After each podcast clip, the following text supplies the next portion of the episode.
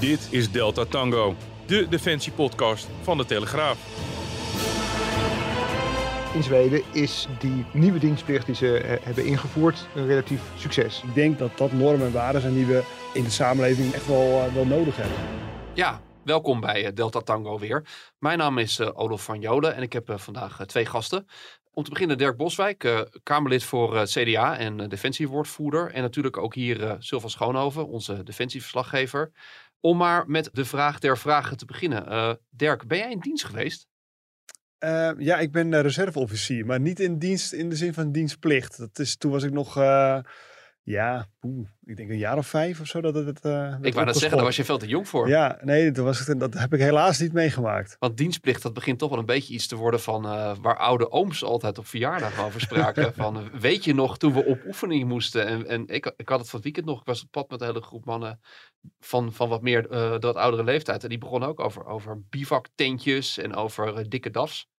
Sil, hoe is het met jou? Uh, nou, ik ben de dans net ontsprongen. Want ehm, mijn twee broers zouden al moeten gaan. Dan heb je broederdienst. Dus ja. dan hoef je als derde zoon hoef je, hoeft hij er niet meer te gaan. Ik weet wel nog dat daar in de tijd dat dat speelde, net iets, iets oudere mensen uit mijn omgeving, die maakten er echt een sport van om die dienstplicht te ontlopen. Dat was toen absoluut niet populair. En mensen probeerden op de allerlei manieren gehoorbeschadigingen voor te wenden. Eigenlijk een beetje zoals je nu bij het Russische leger hebt, dat mensen hun eigen arm breken. Nou, zover ging het nog niet. Om maar uh, niet te worden opgeroepen. Ja. Oké, nou ja, daar, gaan we het inderdaad uh, zo over hebben. Want dat is, uh, dat is ons onderwerp van deze week. Maar jullie hebben openheid van zaken gegeven. Dan vind ik dat ik dat ook moet doen. ik ben wel goedgekeurd, zeg ik altijd eerlijk bij. Maar ik heb studieuitstel gehad. En tegen de tijd dat de dienstplicht werd opgeschort veelgemaakte fout. Hij is niet afgeschaft, niet maar opgeschort. Nee. Bestaat nog steeds. Hoefde ik niet meer. Ik heb nog wel de laatste lichting uh, dienstplichtig uh, zien uitzwaaien door uh, toenmalig commandant luchtmacht Dick Berlijn op Soesterberg, wat toen nog een, een, veld was. Als je al die dingen opzomt, voel ik me wel oud hè, in één keer. dat is nu gewoon een museum, is het. Je hebt daar ook wel, ook wel spijt van zo te horen dat je nou, ik had het best gewild. Ik had het best gewild, want ik hoorde ook wel, wel heel positieve geluiden. Dus misschien zat ik in een andere sociale groep. In een andere bubbel uh, zaten wij waarschijnlijk. Ja. Dat moet het zijn geweest. Waar we het vandaag over gaan hebben is: moeten alle 18-jarigen weer verplicht in dienst? Want dat is geen rare idee als je kijkt naar uh, de Russische agressie op dit moment. En ook als je kijkt naar ons omringende landen. Er wordt nu in, uh, met belangstelling gekeken naar Zweden, waar ze een soort vrijwillige dienstplicht hebben opgezet. Ja, en dat gaat vrij goed. Sylvan, jij bent vorige week naar, uh, naar Zweden toe geweest om eens te kijken. Uh, is het wat? Nou, ik reisde daar naartoe een beetje met de gedachte die ik ja, uit, uit, uit, mijn jonge jaren had meegenomen. Hè. Mijn oudere broer die vertelde over morsige kazernes waar uh, zagrijnige sergeants hun uh, ondergeschikten afblaften en dergelijke. Nou ja, wat schetst mijn verbazing. Ik kwam daar in Zweden, trof daar een, een, een kraakhelder kantoor met allemaal hippe muurschilderingen, vrolijke mensen op fitnessapparaten die probeerden zo goed mogelijk te presteren om nou juist maar door die selectie heen te komen in plaats van te worden afgekeurd. Dat was nou het uh, grote verschil met uh, hoe dat destijds in Nederland ging, als ik het zo inschatte. En dat werd mij ook uitgelegd aan de hand van cijfers, dat in Zweden is die nieuwe dienstplicht die ze uh, hebben ingevoerd, is een relatief succes. Nou, daar komen we straks nog even op terug hoe dat. ja, maar misschien om, om, om, heel kort even uit te leggen, hoe werkt dat? Zweden heeft net als Nederland de dienstplicht op een gegeven moment opgeschort en kreeg toen een soort vrijwillige dienstplicht. Daar kon je voor intekenen, maar dat was geen succes. Daar kregen ze niet de aantallen of de kwaliteit binnen die ze zochten. Dus hebben ze een paar jaar geleden gezegd van we gaan de dienstplicht opnieuw invoeren. Nou, dan denk je dienstplicht, hè, dan moet iedereen, uh, die wordt gedwongen om, uh, om een aantal maanden van zijn leven op te offeren. Maar zo werkt het niet als jij zegt van nou, ik, uh, ik zie mezelf daar niet rondlopen in een uniform. Dan wordt er geen beroep op je gedaan. Dan kunnen ze kijken van nou, we gaan eerst kijken naar de mensen die wel gemotiveerd zijn. Want wij hebben, we hebben niks aan mensen die niet gemotiveerd zijn. Maar iedereen moet wel verplicht een vragenlijst invoeren. Van, zie je jezelf ja. rondlopen? Ben je fit? Is groen, is groen jouw kleur? Is groen jouw kleur? En uh, tamelijk veel mensen uh, vullen daar dus ja in op die vraag. En dat zorgt er dus voor dat zelfs als jij die vragenlijst invult, dat is verplicht, en wordt uitgenodigd en je wordt getest, het duurt een hele dag, je wordt aan allerlei tests onderworpen, soms zelfs anderhalve dag, psychologen gaan met je praten, alles komt aan de orde. En het kan dus zijn dat je dus heel graag die dienstplicht wilt vervullen, maar niet mag. Omdat je gewoon niet voldoet aan de, aan de normen. Want hoeveel, hoeveel mensen hebben ze nodig en hoeveel laten ze elk jaar instromen? Even kijken hoor, even uit mijn hoofd. ze had het over zo'n 100.000 eh, mensen die werden opgeroepen. Hè? Dat zijn dus de mensen van 18 plus. Ja, Die, eh, mannen en vrouwen, hè, volgens mannen mij. en vrouwen, ja, ja, die worden volledig gelijkgesteld. Het is helemaal genderneutraal. Het is natuurlijk Zweden. En 100.000 en daarvan ongeveer een vijfde komt uiteindelijk in de gelederen terecht. Voor een periode van 9 tot 15 maanden. Dus ook nog best een behoorlijke periode. Maar het blijkt dus dat heel veel jonge Zweden, die zijn er dus best wel voor te poren. Sterker nog, die staan te popelen of die barsten in huilen uit als ze niet door de selectie komen, werd Ja. mij verteld. Ja. Zelfs ouders die gaan opbellen hè, van eh, ik wil mijn zoon of dochter, die moet wel toegelaten worden. Dus ik denk totaal anders als, eh, als 20 jaar geleden in Nederland. Ja, wat een verschil hè? Ja, ja. Maar wat, Dirk, je bent je eh, terecht al eh, in het gesprek. Het is iets wat jij wel volgens mij ziet zitten, of niet? Ja, zeker. Eh, sterker nog, ehm, dat is vorig jaar om deze tijd geweest dat ik het heb geopperd in het defensiedebat. Uh, toenmalig minister Kamp. En toen vond hij dat nog een heel erg slecht idee. Maar we leefden toen ook wel in een hele andere tijd. Inmiddels hebben we natuurlijk de, de oorlog in Oekraïne. En, en zie je ook wel weer, ook in het aantal sollicitaties nu, dat heel veel mensen weer de krijgsmacht een soort top of mind hebben. Ik heb het zelf ook meegemaakt. Ik ben natuurlijk eh, zelf reservist. Dat mensen mij ineens gingen bellen die, die al wisten dat ik het al jaren deed. Nog nooit mij hebben gebeld en nu mij gingen bellen. Ja, ik wil het ook graag. Hoe, wat is de procedure en waar moet ik me melden? Dus ik, ik merk wel breder in de samenleving dat er ineens een soort tendens ontstaat dat mensen er toch wel heel graag um, ja, willen bijdragen. En dan het liefst bij de krijgsmacht. Dus dat is wel een mooie ontwikkeling. Tegelijkertijd um, is, er nog wel een hele weg te gaan om dit zover te krijgen. Kijk, ik zie dat uh, het kabinet wil er serieus mee aan de gang gaan. Uh, ik heb daar ook een, een begin het jaar een motie over ingediend. In de Kamer is er ook een grote meerderheid voor. Ik moest wel nadrukkelijk in mijn motie zeggen dat het vrijwillig was. Ik denk op zich dat dat wel goed is, al zou het voor mij als soms iets verplichtende karakter mogen hebben. Maar voordat wij het opschalen naar, naar het niveau zoals Zweden, dan hebben we echt nog wel een hele weg te gaan. Omdat wij natuurlijk als, als Nederland ja, komen natuurlijk van heel ver door jarenlang bezuinigen of te weinig investeren. Kijk naar de kazernes, kijk naar het tekort aan onderofficieren. Uh, dus het, zal niet meteen op het niveau komen zoals wij dat in, uh, in, in Zweden zien. Maar ik ben wel een groot voorstander van dat we hiermee gaan beginnen. Waarom zou het nuttig zijn voor de Nederlandse krijgsmacht om in ieder geval weer een, een x aantal dienstplichtigen per jaar naar binnen te halen? Ja, ik denk twee redenen. Um, allereerst is het denk ik goed om um, dat we alles aangrijpen om de, de grote gaten, meer dan 9000 vacatures, om, om er bijna 9000 vacatures die we op dit moment hebben, dat je alles moet aangrijpen om dat te gaan vullen. We zien ook dat de uitstroom ja, best wel zorgwekkend is. Dus ja, we hebben dit ook wel, denk ik, nodig om een stukje nieuwe uh, uh, aanwas te krijgen. Dat is enerzijds. En anderzijds, dat is meer vanuit het perspectief van de samenleving uit. Denk ik dat het heel erg goed dat de, de normen en waarden die je bij de krijgsmacht leert, dat daar in de samenleving heel veel behoefte aan is. Hè? Dat je leert dat, je, dat niet het hele uh, heelal om alleen jou draait, maar dat je toch naar elkaar moet omzien. Dat je plichten in het land hebt. Dus dat je niet alleen maar recht hebt, maar ook echt wel diensten tegenover moeten staan. En ik heb dat zelf ook bij mezelf wel gemerkt toen ik me aanmeldde bij de, bij de AMO. Nou, dat is een, een opleiding van twee, drie weken ongeveer. Hè. Dat is een soort stoomcursus. En ik merkte het zelf toen ik de zaal binnenkwam in die kazerne. Dat was in Schaarsberg en een, zaal met uh, nou, ongeveer twintig bedden. En ik merkte mezelf, ik zocht meteen het bed uit wat in een hoek stond. Zodat ik in ieder geval, als ik ging slapen, niet iemand in zijn gezicht hoefde aan te kijken.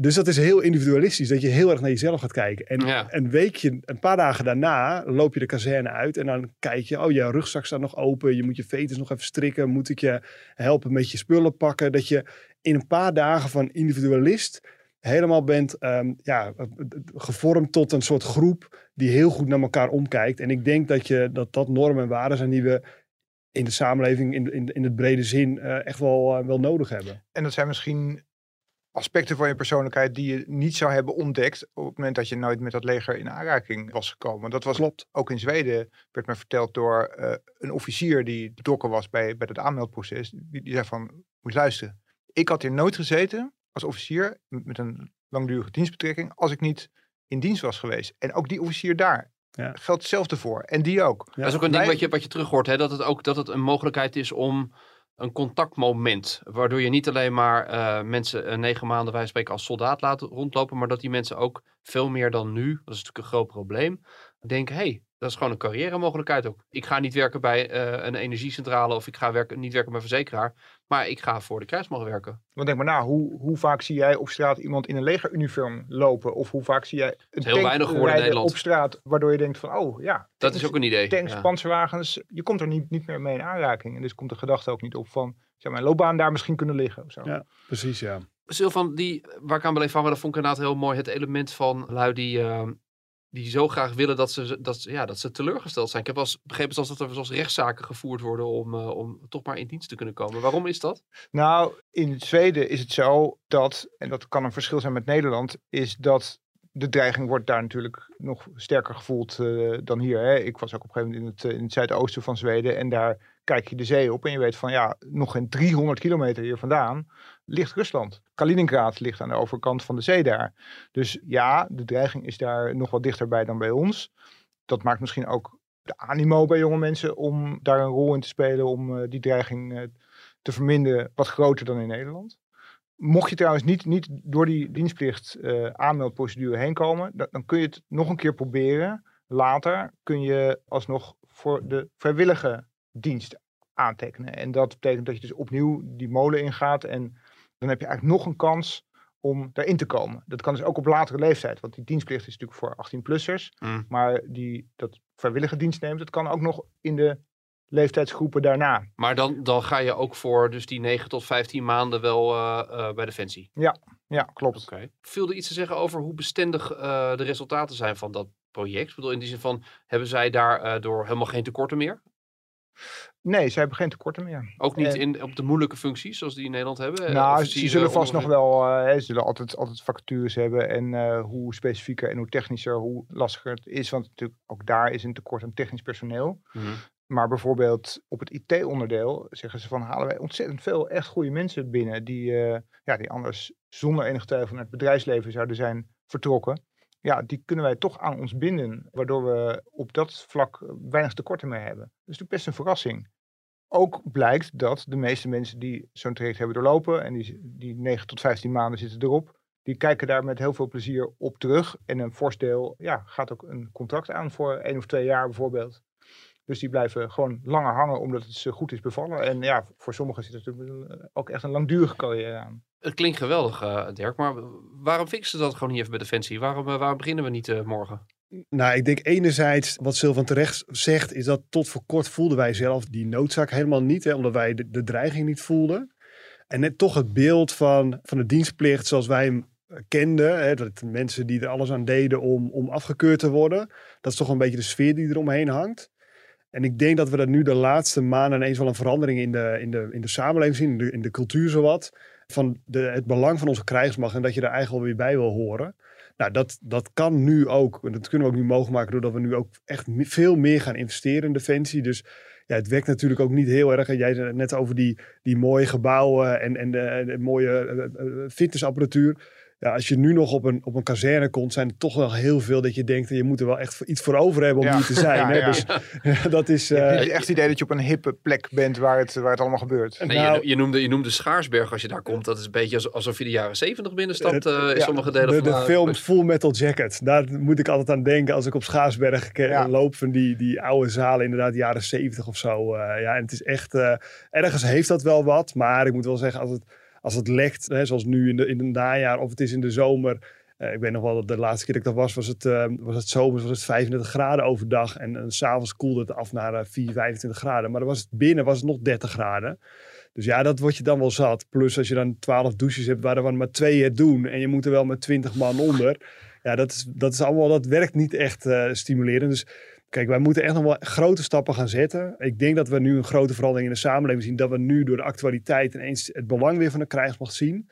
De staatssecretaris wil hier ook wel mee aan de gang. Die heeft eh, beloofd om voor het einde van het jaar met een, eh, met een voorstel te gaan komen. Dus daar zit nu eindelijk wel echt wel een verandering in vergeleken met, met een jaar geleden. En tegelijkertijd moeten we ons wel realiseren, hè, we hebben nog wel, ja, je hebt ruimte nodig, je hebt kazernes nodig waar je de mensen kan legeren. Je hebt eh, eh, eh, onderofficieren nodig om ze uiteindelijk ook te trainen. En wij weten dat we nu op dit moment gewoon een groot tekort hebben, vooral aan onderofficieren en instructeurs.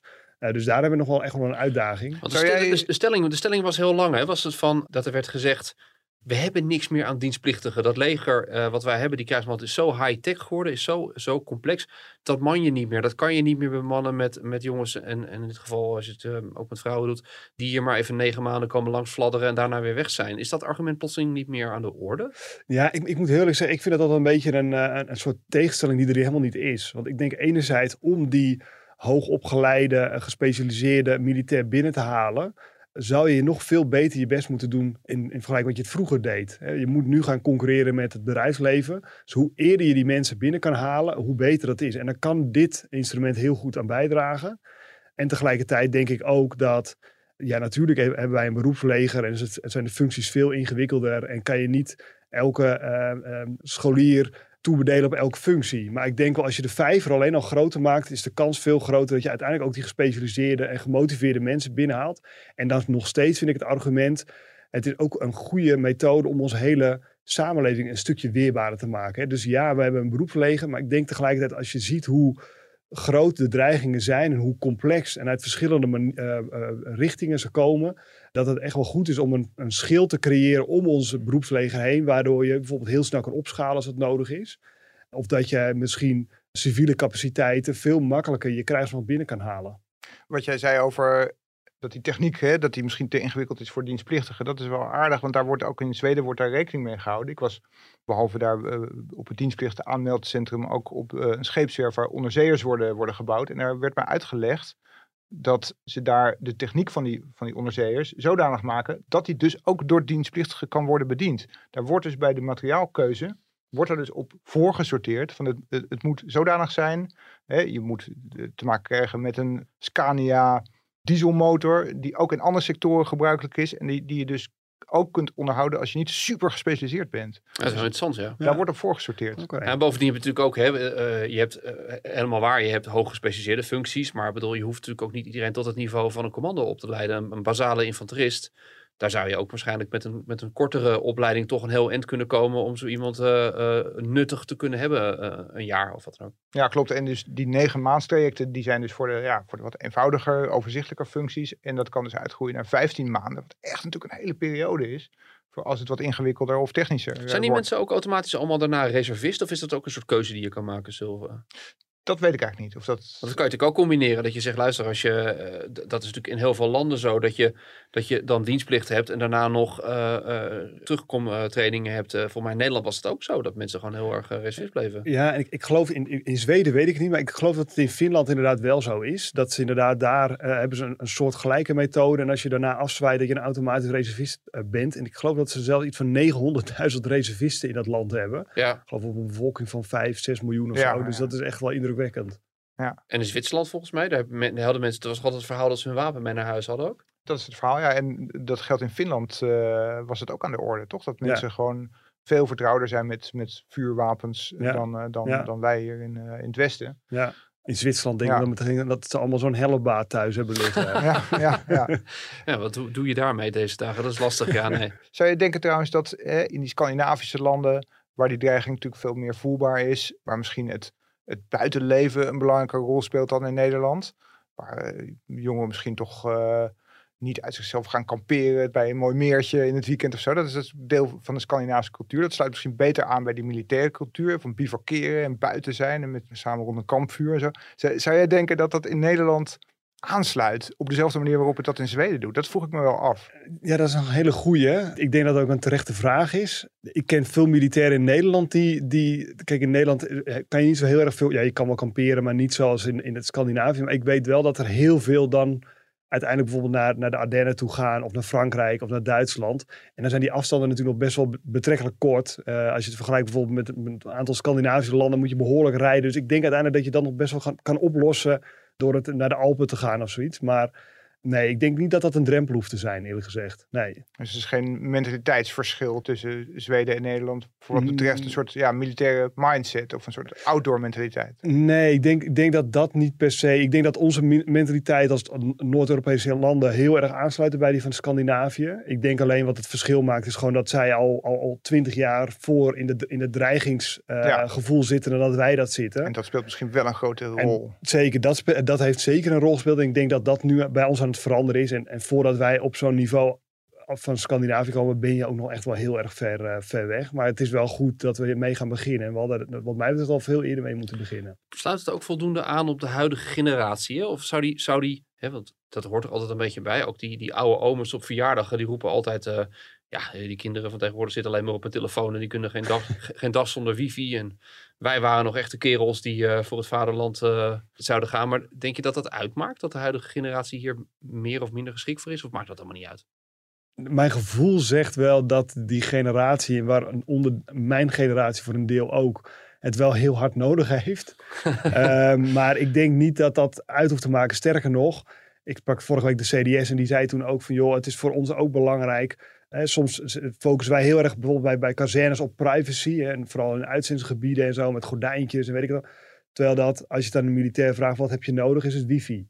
Dus een militair verschilt uiteindelijk niet heel erg veel van een gewoon doorsnee eh, jongen of meisje op straat in Amsterdam. En je zou ook denken dat elke generatie weer zijn nieuwe outdoor-minded jongens en meiden oplevert. Er zijn altijd, maar er zijn altijd eh, toch wel weer de nieuwe mensen die het leuk vinden om een beetje een avontuurlijk leven te leiden. Dat wel, maar eh, dat gegeven dat generatie Z, hè, zoals worden genoemd, dat die eh, wat minder handig is met de handen, om het zo maar te zeggen. Dat was wel iets waar ze in Zweden tegenaan liepen. Dat werd heel duidelijk gezegd van ja, deze generatie vindt het heel moeilijk om zonder mobieltje te zijn. En je bent gewoon, zeker tijdens die eerste weken, zit je zonder mobieltje. Ja. Die moet je thuis laten, want die gaat stuk in het veld. Dus die Ja. moet je achterlaten. Dat vinden mensen heel heftig, jonge mensen. Dat is een hele grote stap.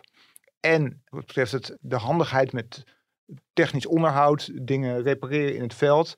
Dat zit er natuurlijk ook niet zo meer in. En bij de hele, nieuwe hele generatie. maatschappij is natuurlijk steeds minder zelf dingen maken. En zij eh, noemden het voorbeeld van dat, ja, ze hadden dan een vuurwapen dat, dat vastgelopen was. En die zeiden gewoon van ja, ja Stuk. eh, hij doet het niet. Kapot. Hij doet het niet, want ze waren gewend van ja, als je iPhone stuk gaat, ja, dan kan je dat niet zelf repareren. Dus zo'n wapen zou je ook niet zo. Dus die, die gaven het gelijk op.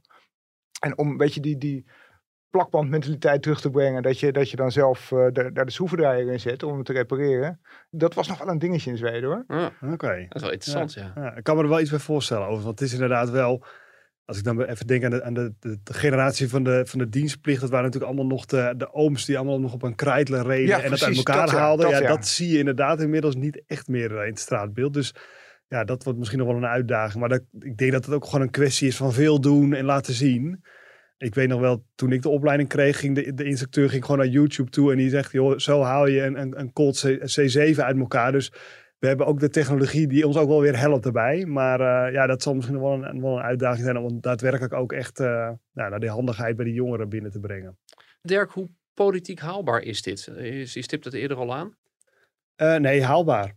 Nee, het is echt, het is echt een groot verschil met hè, wat, ik toen ik het vorig jaar opperde bij minister Kamp. Toen was het echt niet haalbaar. Hoe wordt er gereageerd door, door collega's, andere fracties? Nou ja, dus een jaar geleden nog, toch nog wel een beetje van, joh, dit is iets van heel lang geleden en dat doen we niet meer. En ik zie echt wel dat we nou ja, met, met de inval in Oekraïne, dat, en, en vooral ook hoe, de, hoe weerbaar die bevolking is. Hè. En, vooral in die eerste weken en toen hebben we echt wel gezien dat dat ook wel een verschil heeft gemaakt. In ieder geval, het heeft de Russen denk ik wel heel erg verrast. Dat heel veel mensen ineens het, het en noodzaak daarvan zagen van een weerbare samenleving. En eh, in ieder geval in Den Haag merk ik dat een aantal partijen die daar eerst echt wel niet echt vol waren, of soms zelfs keihard tegen, dat die nu zeggen van wij zien hier nut van. Hè. Bijvoorbeeld de PvdA en, en GroenLinks, die, die zagen hier echt helemaal niks in. Gewoon omdat ze toch wat minder met defensie hebben. Nou, die zijn natuurlijk best wel gedraaid daarin. Dat vind ik ook knap dat je dat kan. Dat is ook gewoon nodig. Maar ik zag bijvoorbeeld vanuit de VVD en D66 toch nog wel een bezwaar van ja, maar de vrijheid om je eigen leven te leiden als het ware. Nou, dat is er hier nog steeds, want je kiest natuurlijk nog steeds hier zelf voor. Ehm, Als je niet wil, dan, dan hoef je niet. eh, Precies. En dat heb ik ook toen ook toen ik met die motor kwam, moest ik daar heel erg op benadrukken. Bij jongens, in Zweden is het ook niet zo zoals wij dat vroeger deden. Maar ik merkte wel dat, dat het overtuigen was veel minder moeilijk als dat ik het eh, bijvoorbeeld een jaar geleden had moeten doen. Dus ik merk wel dat er echt wel iets is veranderd in de politiek. En dat, nou, ik zie ook dat de staatssecretaris echt wel enthousiast mee aan de gang eh, gaat. Maar tegelijkertijd, het zal nog wel even tijd kosten voordat wij echt op kunnen gaan stomen. En we zullen het waarschijnlijk in kleine stapjes gaan doen. En is het dan, wordt het dan, eh zullen we zeggen, puur alleen als militaire dienstplicht benaderd? Want er zijn natuurlijk ook in het verleden wel sprake geweest van om een soort combi met maatschappelijke dienstplicht te doen. Dat je Ja. kan kiezen van ik ga naar de krijgsmacht, maar ik kan ook wij spreken negen maanden in een ziekenhuis gaan werken of Ja. in een verzorgingstehuis. Ja, nou, dit spitst zich nu nog echt alleen op de krijgsmacht. Ik denk dat het wel goed is om te kijken, en ik weet dat de krijgsmacht daar zelf ook mee bezig is, om de uitwisseling tussen bijvoorbeeld de politie en de brandweer en, en de krijgsmacht, eh, om die wat vloeiender te laten zijn. Ook omdat er militairen soms als behoefte aan hebben, omdat ze misschien na jarenlang op oefeningen, op uitzendingen zijn geweest, in een bepaalde fase in hun leven komen, dat ze bijvoorbeeld met kleine kinderen zitten, dat ze zeggen, nou, kan ik misschien nu een paar jaar bij de politie en dan als mijn kinderen weer eh, wat, wat ouder zijn, dat ik dan weer terug bij de krijgsmacht kom. Daar wordt wel naar gekeken om die uitwisseling beter te maken. Ik denk alleen op dit specifieke, die diensttijd, dat wordt nu nog echt wel alleen nog gefocust op, de, op onze krijgsmacht. En ik denk dat dat goed is, want je moet echt klein beginnen voordat je dit helemaal gaat uitrollen ook.